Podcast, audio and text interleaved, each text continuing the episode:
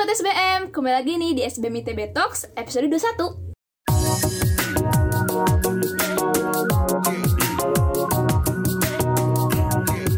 Kita punya tamu spesial, yaitu ada Kak Yorga Permana. Selamat siang, malam, atau apa pun waktunya. Sobat SBM dan Andina, perkenalkan saya Yorga. Saya adalah dosen di Sekolah Bisnis dan Manajemen ITB, tapi sekarang lagi menempuh studi di London. Saya kuliah di ngambil kedoktoral di London School of Economics and Political Science. Saya ngambil Urban Economics. Saya ngajar dari tahun 2017 di SBM, jadi mungkin sobat SBM yang merupakan alumni atau yang student di SBM juga kenal, sempat bertemu, tapi meninggalkan SBM tahun lalu 2019. Saya di SBM mengajar banyak eh, berkaitan dengan tentang people, knowledge management, human capital, termasuk riset saya juga hari ini banyak bahas tentang masa depan pekerjaan, masa depan human capital di Indonesia, itu sih uh, yang jadi concern uh, riset saya. Ngomong soal manusia nih, pendidikan dan pekerjaan. Ada nih beberapa orang yang emang dia tuh udah punya privilege itu, jadi nggak usah terlalu berusaha berat, uh, udah dapat pendidikan atau pekerjaan yang bagus. Istilahnya kayaknya privilege sosial gitulah. Jadi menurut kakak sendiri nih, apa sih arti dari privilege sosial itu kak? Ya pertanyaan menarik kan, itu yang jadi topik bahasan kita hari ini ya. Kita akan bahas tentang privilege sosial, hubungannya dengan pendidikan, hubungannya dengan dengan masa depan kita mungkin kalau podcast-podcast sebelumnya yang Sobat SBM dengar banyak bicara tentang bisnis, tentang entrepreneurship, tentang self-development, mungkin podcast hari ini saya lebih ngajak kita berefleksi sih, kita berpikir bersama gitu mengenai satu konsep privilege ini yang lagi jadi buzzword ya di Indonesia. Lo privilege nih, privilege gitu. Tapi kayaknya seru kalau kita membahas uh, isu ini. Bukan cuma buat diri kita sendiri, ya jadi tapi juga untuk bagaimana hidup kita memberi impact buat orang lain. Saya akan mulai dari cerita saya, Dina. Jadi beberapa kali waktu saya di sini disuruh ngisi webinar gitu ya tentang uh, tips lolos kuliah ke luar negeri, tentang tips bagaimana menembus LPDP dan lain sebagainya. Jadi saya S2 dan S3 alhamdulillah dibiayai LPDP dibiayai negara gitu ya jadi beban dan tanggung jawab juga. Cuman juga e, banyak yang nanya gitu kok bisa? dan lain sebagainya. Lalu, lalu saya banyak berpikir gitu apakah benar saya ini saya dan banyak orang ya banyak orang bisa kuliah di ITB bisa S2 ke luar negeri bisa S3 ke luar negeri bisa dapat pekerjaan yang layak? Apakah itu hanya merupakan faktor usaha sendiri gitu ya? Tapi kok ternyata dunia tidak seindah itu saudara-saudara gitu ya. Jadi setelah saya berpikir juga ternyata apa yang terjadi pada diri saya hari ini gitu ya, alhamdulillah bisa uh, melanjutkan studi di kampus ekonomi terbaik di, di dunia gitu. Ternyata adalah akumulasi akumulasi dari privilege yang saya dapatkan. Saya dapat kesempatan bisa kuliah di ITB misalkan, lalu saya bisa eh, sekolah di SMA yang bagus, saya bisa dapat bimbel dan lain sebagainya.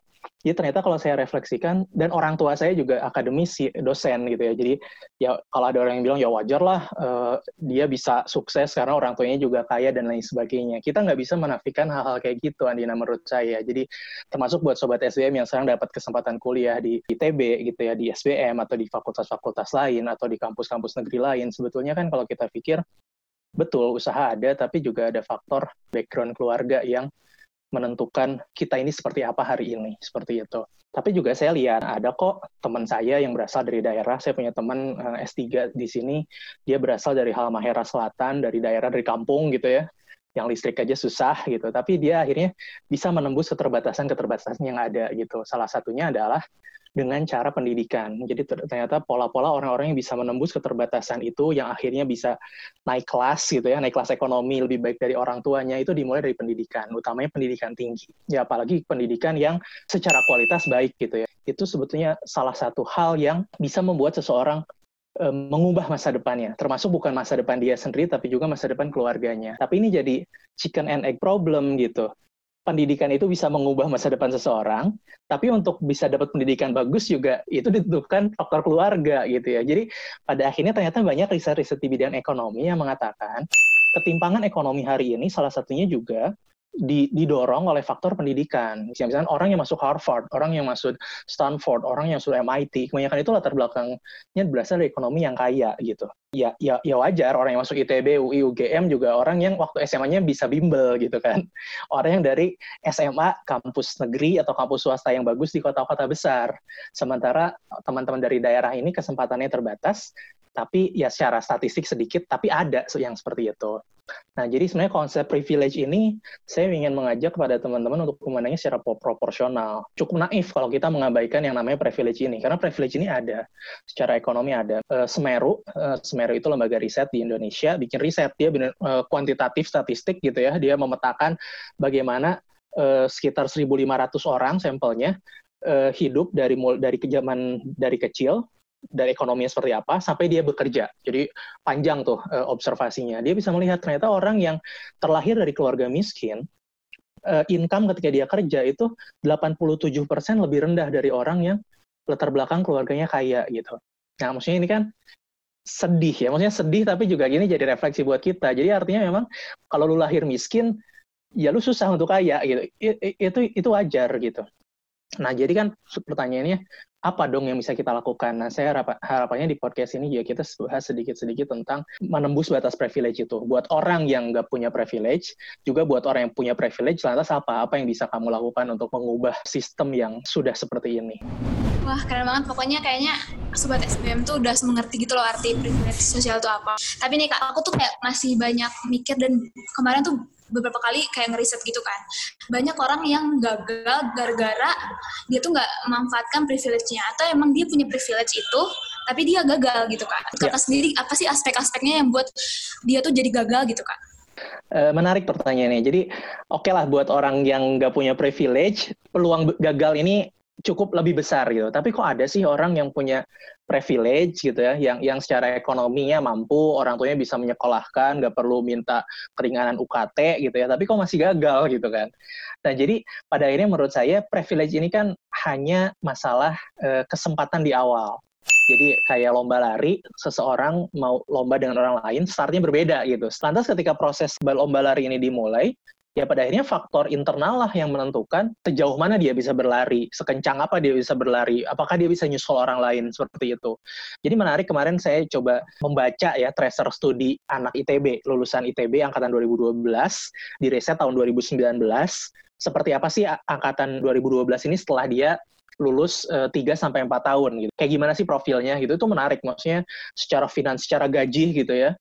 Lulusan ITB itu sangat tinggi rata-ratanya. Uh, seingat saya 7 juta per, per, per bulan itu gede kan di luar bonus gitu ya. Di, di, dibandingkan statistik misalnya di Indonesia rata-rata gaji sarjana itu 3,9 juta gitu. Artinya kan uh, jauh lebih tinggi gitu.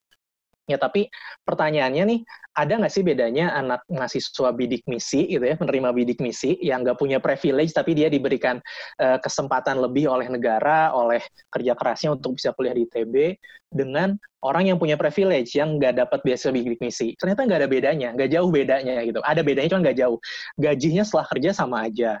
IPK-nya juga nggak jauh beda bahkan nggak ada perbedaan seingat saya maksudnya uh, statistically nggak signifikan cuman memang yang membedakan ini penerima beasiswa ini lebih kerja keras nah mungkin ini yang nggak dimiliki oleh orang-orang yang punya privilege gitu jadi ketika dia ada di zona nyaman orang tuanya cukup mapan kadang-kadang orientasi ke depan meaning of life ini mungkin belum ada gitu. Buat apa sih saya kerja keras toh bapak saya bisa kolahin saya gitu kan. Mungkin pertama ya growth mindset ini. Jadi mencari meaning meaning of life, purpose of life gitu itu penting gitu. Jadi kita harus tahu yang namanya privilege unprivilege itu hanya start di awal aja. Tapi kalau kita mau berproses di, menuju masa depan ya semuanya tergantung diri kita sendiri.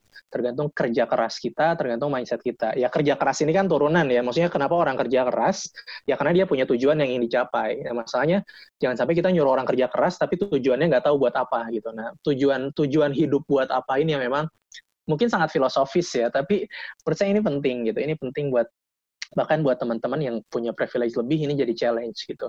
Jadi seharusnya privilege yang dimiliki ini jadi satu kesempatan buat kita justru bisa naik kelas lebih tinggi lagi gitu. Mungkin orang yang nggak punya privilege ketika kuliah lalu kerja itu mengubah hidup dia. Maksudnya dia bisa uh, menafkahi orang tuanya, bisa membelikan rumah buat orang tuanya. Tapi orang yang dari awal sudah mapan, dia kan sebenarnya bisa lebih baik lagi. Dia bisa lompat lebih tinggi lagi. Dia bisa membuat bisnis dibantu oleh orang tua, misalkan dengan network yang ada gitu. Nah, ini kan sebenarnya kesempatan-kesempatan yang seharusnya bisa dielaborate oleh justru oleh orang-orang yang punya privilege. Jadi gitu sih mindsetnya bahwa privilege ini hanya masalah starting point, tapi justru yang mempengaruhi hidup kita ke depan adalah kerja keras. Ya, jadi kayak intinya kita kayak nggak boleh di zona nyaman kita gitu ya. Kan? Yes, that's kita it. harus lewat dari zona nyaman kita meskipun kita emang privilege-nya ada gitu ya kayak. Iya.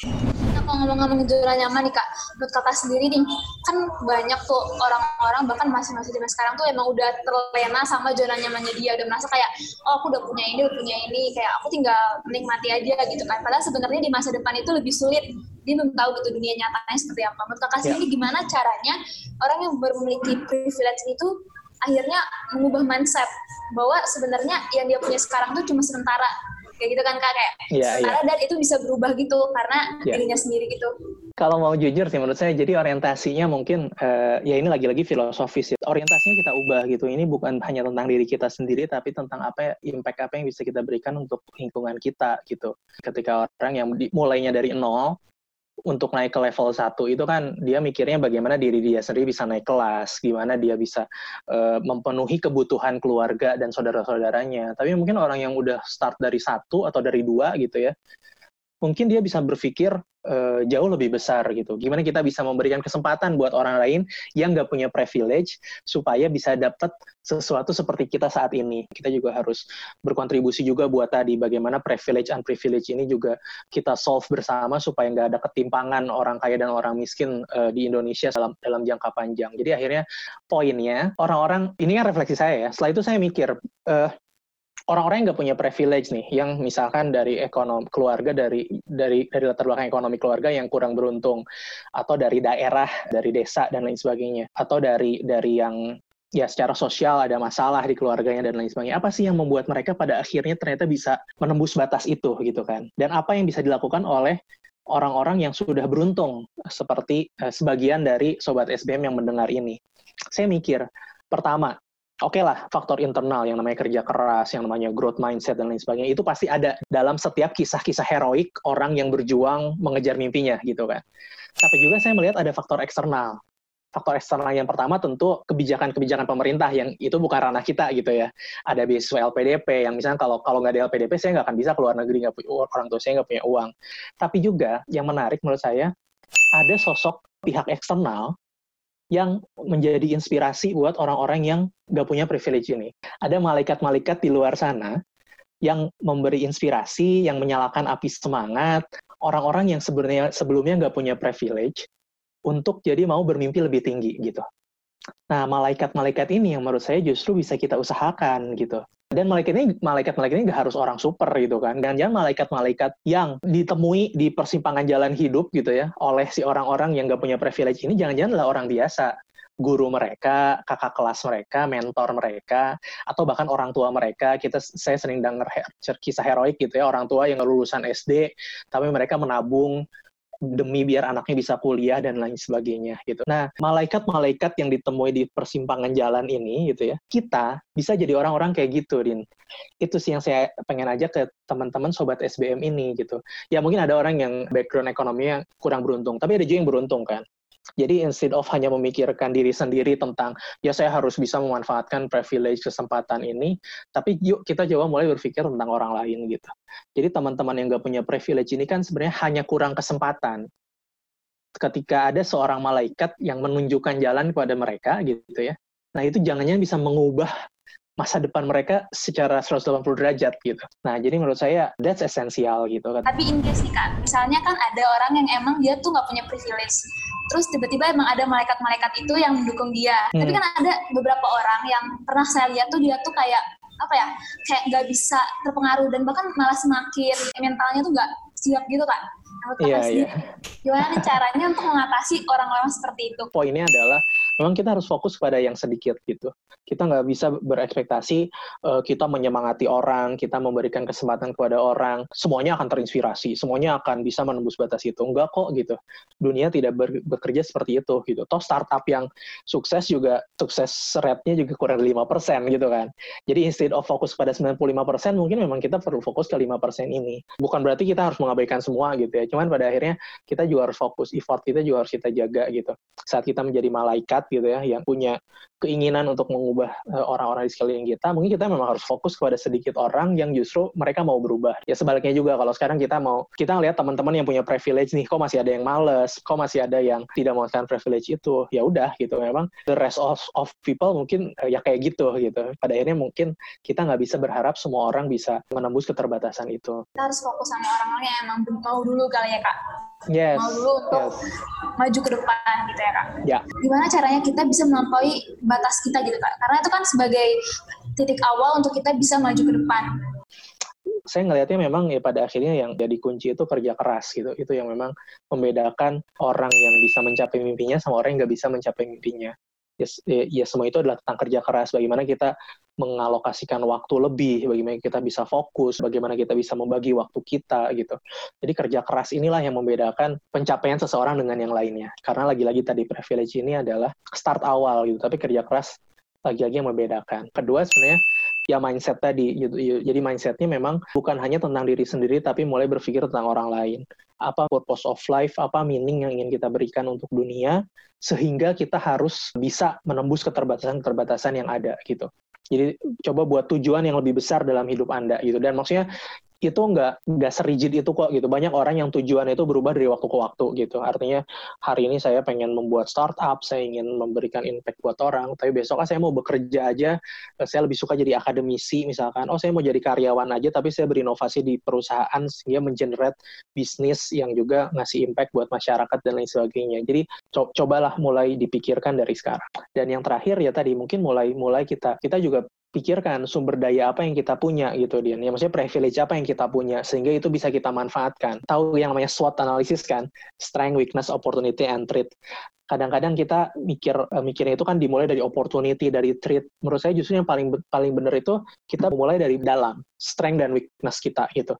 Privilege apa yang kita punya? Misalnya privilege bisa apa aja ya? Misalnya oh terbelakang S1 saya adalah manajemen saya orangnya extrovert sering sering bergaul. Saya suka networking dan lain sebagainya. Nah dari strength ini kita bisa mulai berpikir purpose kita itu mau seperti apa, terus uh, tadi kerja kerasnya harus sebesar apa. Jadi kadang-kadang kita lupa mapping strength dan weakness kita karena kita lebih melihat dunia di luar tuh indah gitu. Padahal kita nggak sadar bahwa sebenarnya strength kita bukan di sana kok, weakness kita di sini tinggi dan lain sebagainya. Jadi kalau dalam perspektif manajemen saya lebih suka resource based view artinya resource based view itu kita dimulai dari sumber daya internal yang kita miliki. Jadi alih-alih melihat kesempatan di luar, ancaman di luar, tapi kita dimulai dari apa yang kita punya. Dan kita mulai mengembangkan diri kita uh, dari sumber daya sumber daya yang kita punya itu. Terutama dari strength ya. Lebih mudah meningkatkan strength daripada mengimprove weakness gitu. Jadi kadang-kadang di satu titik mungkin kita harus menyerah dengan weakness kita. Oke itu weakness kita, kita nggak bisa apa-apain, itu jadi kekurangan kita. Tapi strength apa yang bisa kita optimalkan aku yang,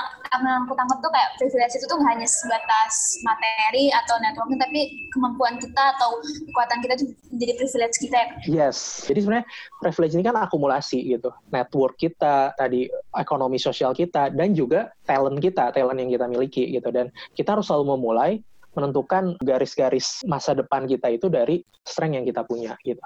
Nah terakhir nih kak, kan kalau misalnya tadi kan kita kayak bahas gimana caranya kita untuk melampaui batas-batas kita.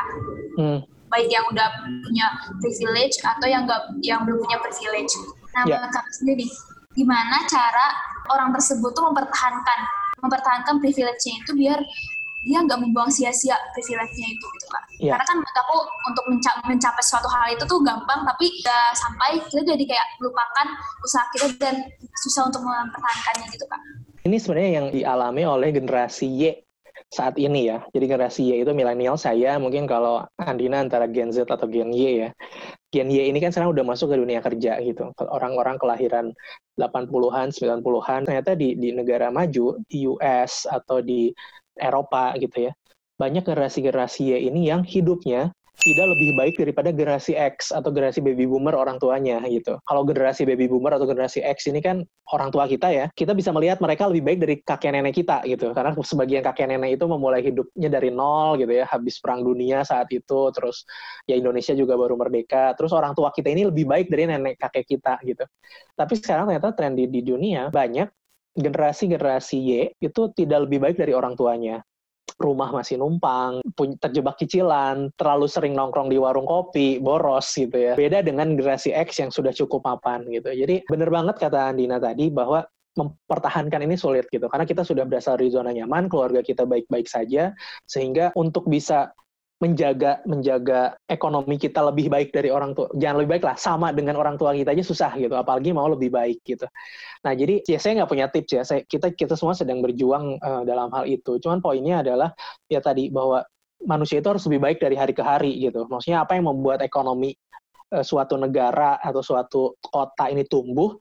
Karena ada progres ada progres kan. Ada uh, orang yang asalnya uh, income-nya 10 juta, ya 10 tahun lagi harus 20 juta gitu, harus naik gitu. Nah, progres inilah yang membuat humanity itu terus bertahan hingga hari ini. Jadi kalau mikirnya kayak gitu bahwa kalau kita gini-gini aja ya udah stagnan gitu. Ya Indonesia gini-gini aja, dunia gini-gini aja gitu. Jadi poinnya sih menurut saya uh, ya kita lagi-lagi ya ini saya ulang-ulang sih kita keluar dari zona nyaman kita. Orang tua kita juga nggak akan selamanya bisa menopang hidup kita dan kita mikir juga naik kelas. Kalau orang tua kita hari ini sudah cukup mapan, ada di middle class, masa kita nggak mau naik kelas supaya kita bisa memberikan impact buat diri kita, buat keluarga kita, bahkan buat society kita lebih besar lagi.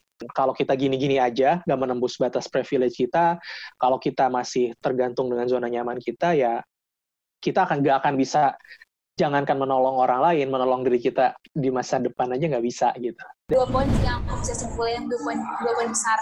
Pertama kita tuh bersyukur kalau misalnya apa yang kita punya tuh, ya ini kita harus manfaatkan apa yang kita punya, jangan ya. kayak banding-bandingin dari orang lain gitu. Karena ini kan kita berkompetisi ya dengan diri kita sendiri, bukan orang lain. Terus yang kedua kita harus keluar dari zona nyaman kita, karena untuk mencapai batas dan melebihi batas kita tuh kita harus keluar. Gak bisa hanya untuk uh, berputar pada apa yang udah kita punya.